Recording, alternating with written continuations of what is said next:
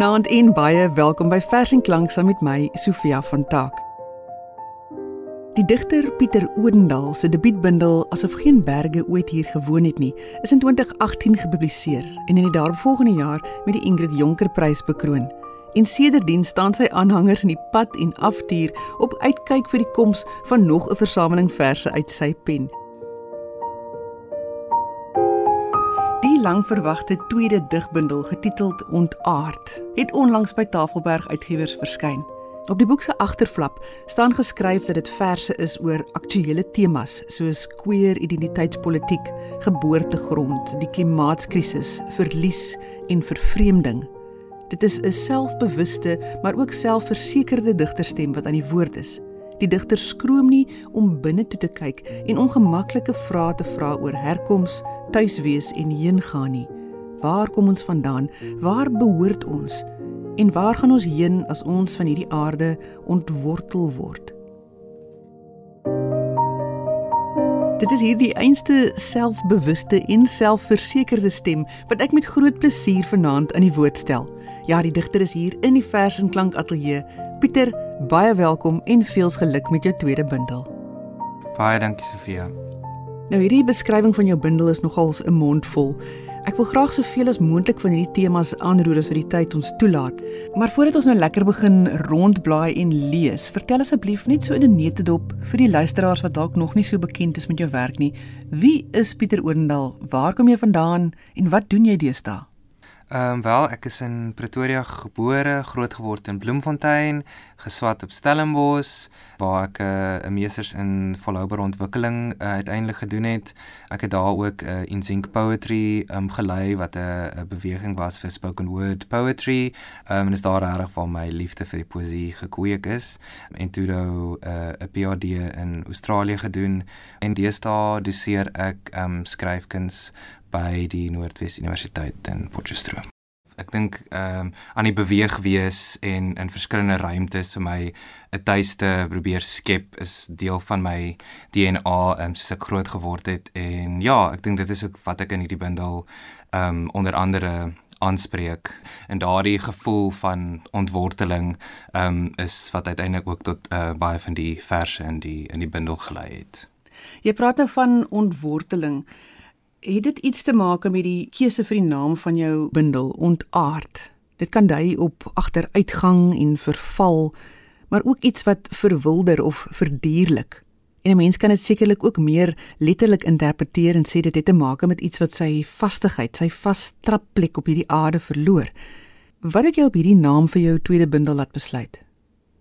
Ek wou altyd daardie betekenisse aktiveer in die titel in die eerste plek omdat ons besig is om deur 'n klimaatskrisis te leef um, waar ons sien hoe ekostelsels om ons aan die verval is en ja. daardie soort onsekerheid van wat die toekoms inhou dink ek word goed in die woord vasgevang maar dan ook letterlik ontaard jy weet die aarde wat geont word en ook ek wou 'n korter titel kies vir die tweede bundel want almal het net verwys na daai berge bundel van jou. So ek het gesoek vir 'n jy weet vir 'n een woord titel eintlik wat klomp goeters kon vasvang en net uiteindelik op ontaard besluit. Ek dink baie Suid-Afrikaners probeer uitpleis waar ons nou regtig inpas. Reeds in die openingsvers getiteld Riviermond is jou bloedlyne ter sprake en jy verwys na voorsate uit Nederland, maar ook uit Madagaskar. En hierdie gedig sluit aan by 'n drama wat jy oor dieselfde onderwerp geskryf het getiteld Droomwerk.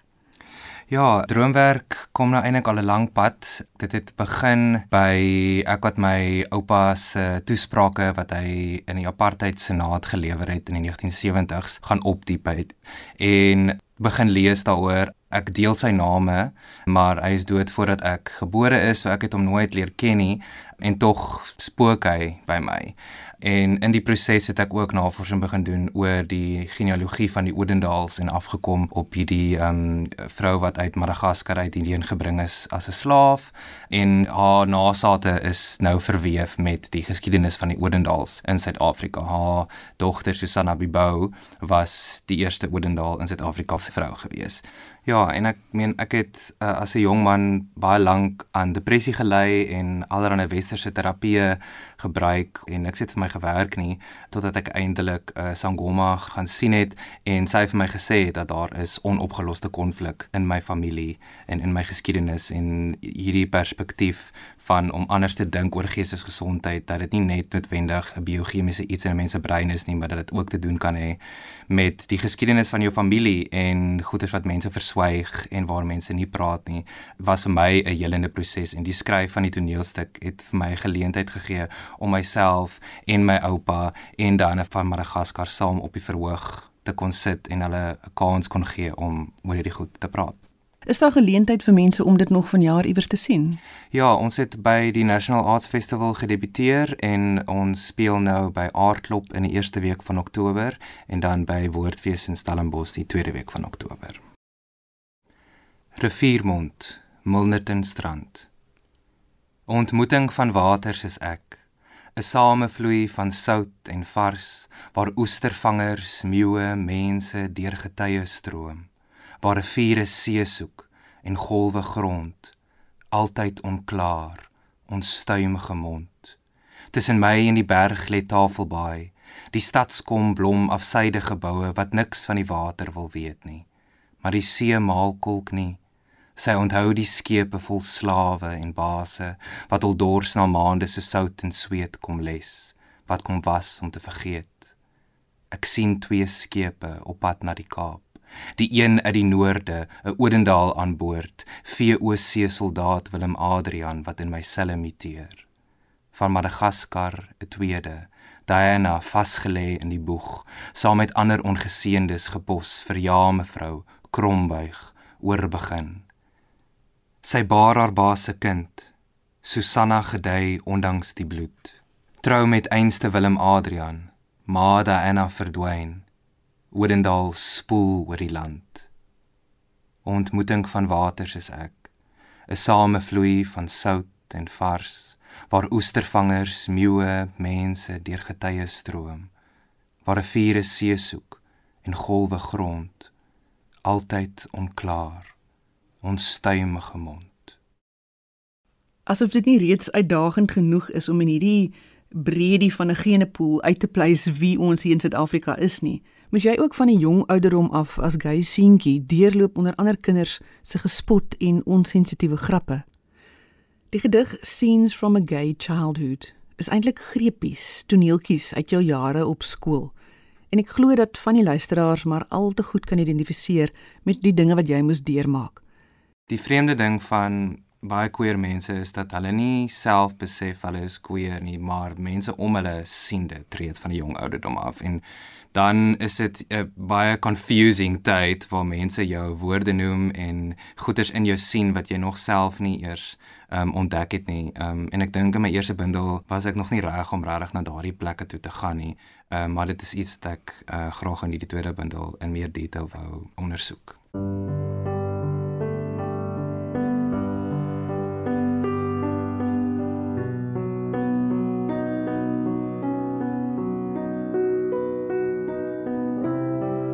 Ek wil sensitiewe luisteraars net inlig dat daar wel in van hierdie gedigte kritaal gebruik voorkom.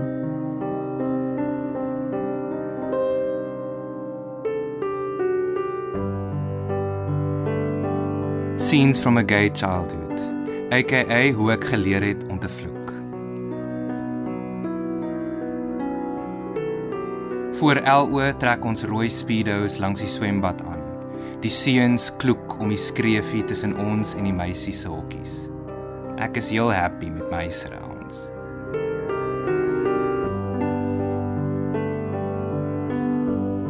Iewers in die kleuterskool, amper uitgedoof, maar ek dink sy naam het met 'n M begin. Ons wys ons planete vir mekaar in die laaste toilet.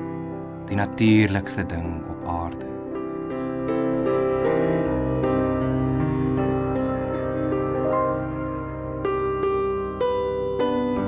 Ek slons verby die seuns in die son na pouse. Blink dasse, kort grys broekies. Iemand skree: "Pieter, ouens, hol dit teen die muur." Die ry breek uit gelid van die lag.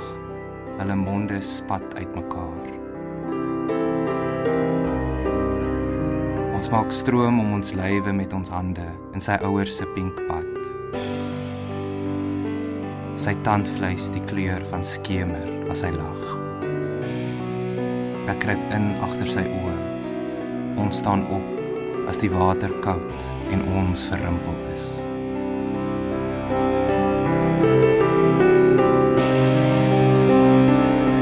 Ons matrikuleer oor 'n maand.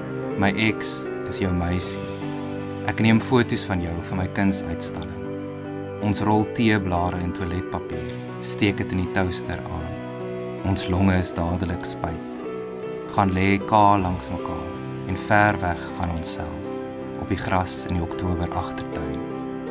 Hou mekaar se pinkies in die langste, groenste skadu vas.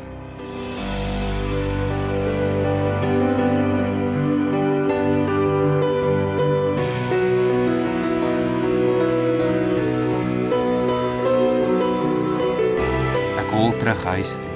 My tas sny deur my sleutelbene. Iemand het moffie in die laaste klas geproes. Ek vra vir Jesus om vergifnis. Fucking kak! skree ek vir die eerste keer in my lewe. Die wind slinger my krete en die seun se frozen harte in die straat vol leë bome af. Waar jy my nie kom soek nie.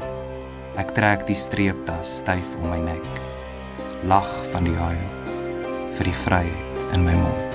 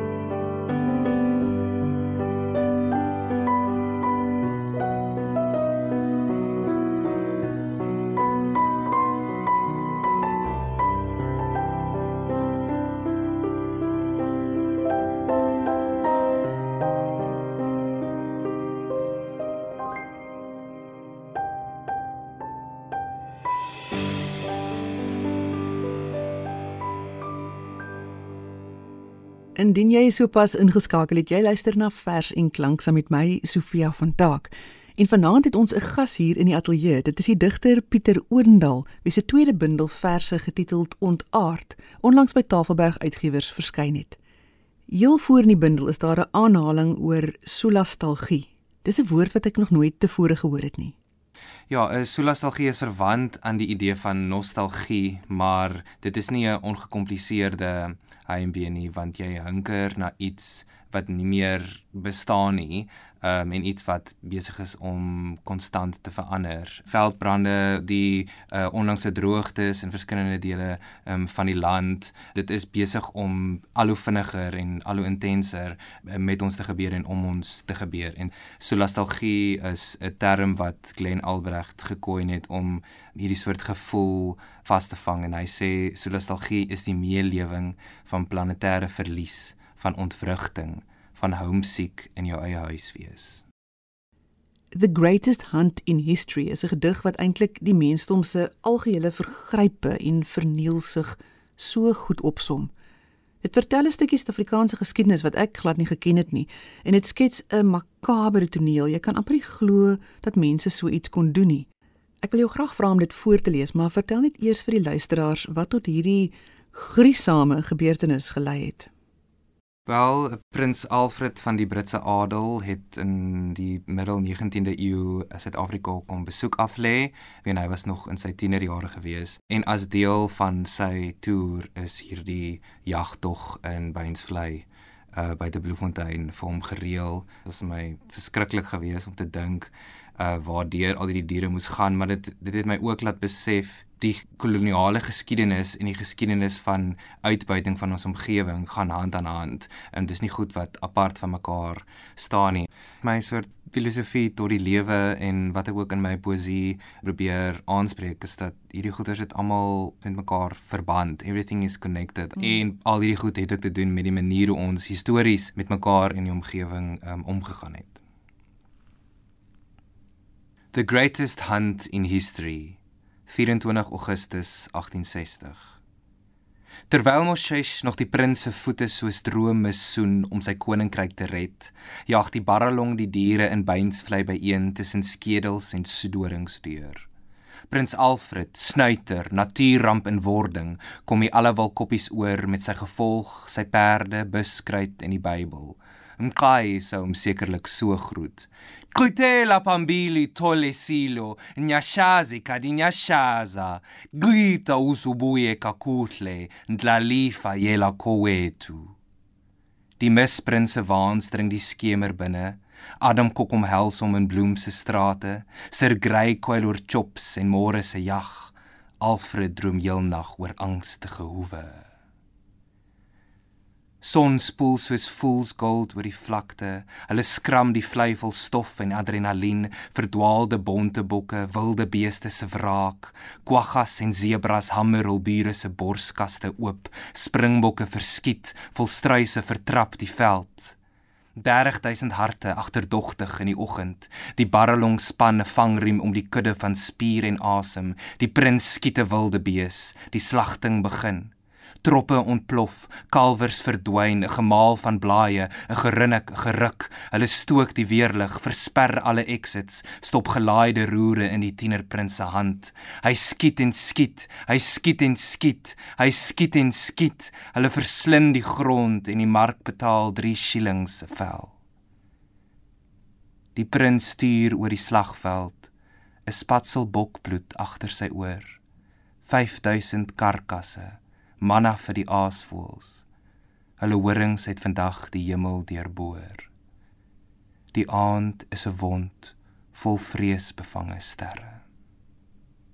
Ja, die verwoesting en die sinneloosheid. Dit skree ten hemele. Jy skryf ook heelwat gedigte oor jou verhouding met 'n minnaar.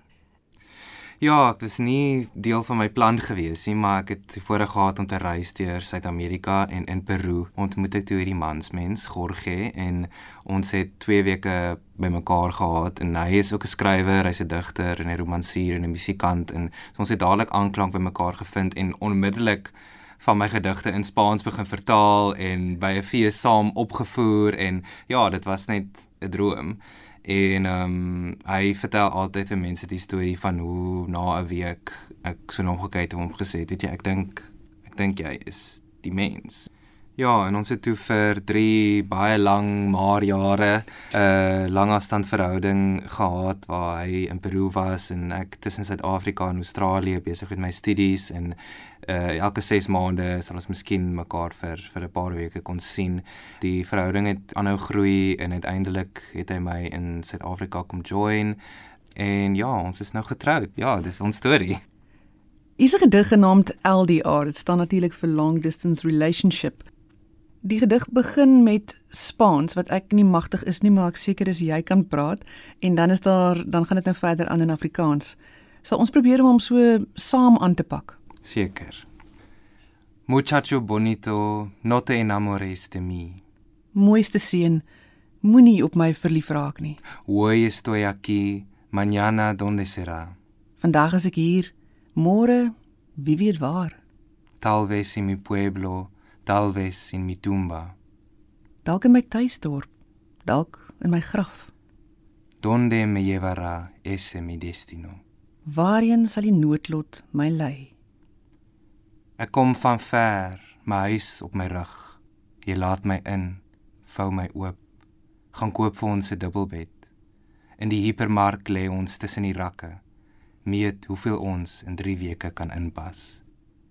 Ek luister jou lewe langs 'n heilige rots. Ons weef 'n energieveld, lanseer dit sterwaarts, lap ons geheime aan die suiderkruis uit. Ek bak wakker voor die vroegoggendvensterraam Jy is die son teen my lyf en die slapende tussen lakens. Ons is nou net so na en ver van mekaar as wat ons later op aparte kontinente sal wees. Pieter, ek sal heel aand na jou voorlesings kan luister. Dit is so 'n treat. Baie dankie vir die gesels. Dankie dat jy ons sintuie en ons bewussyn op reis vat met hierdie bundel van jou. Dankie ook vir die dapperheid en die eerlikheid waarmee jy skryf. Ek hoop dat ontaard vir elkeen wat dit lees, die moed sal gee om ook meer te praat oor die dinge en die mense wat hulle na aan die hart lê. Ek wil jou graag vra om nog een gedig vir ons voor te lees asseblief. En daarmee groet ek namens myself en Pieter Oendal 'n mooi aand vir jou.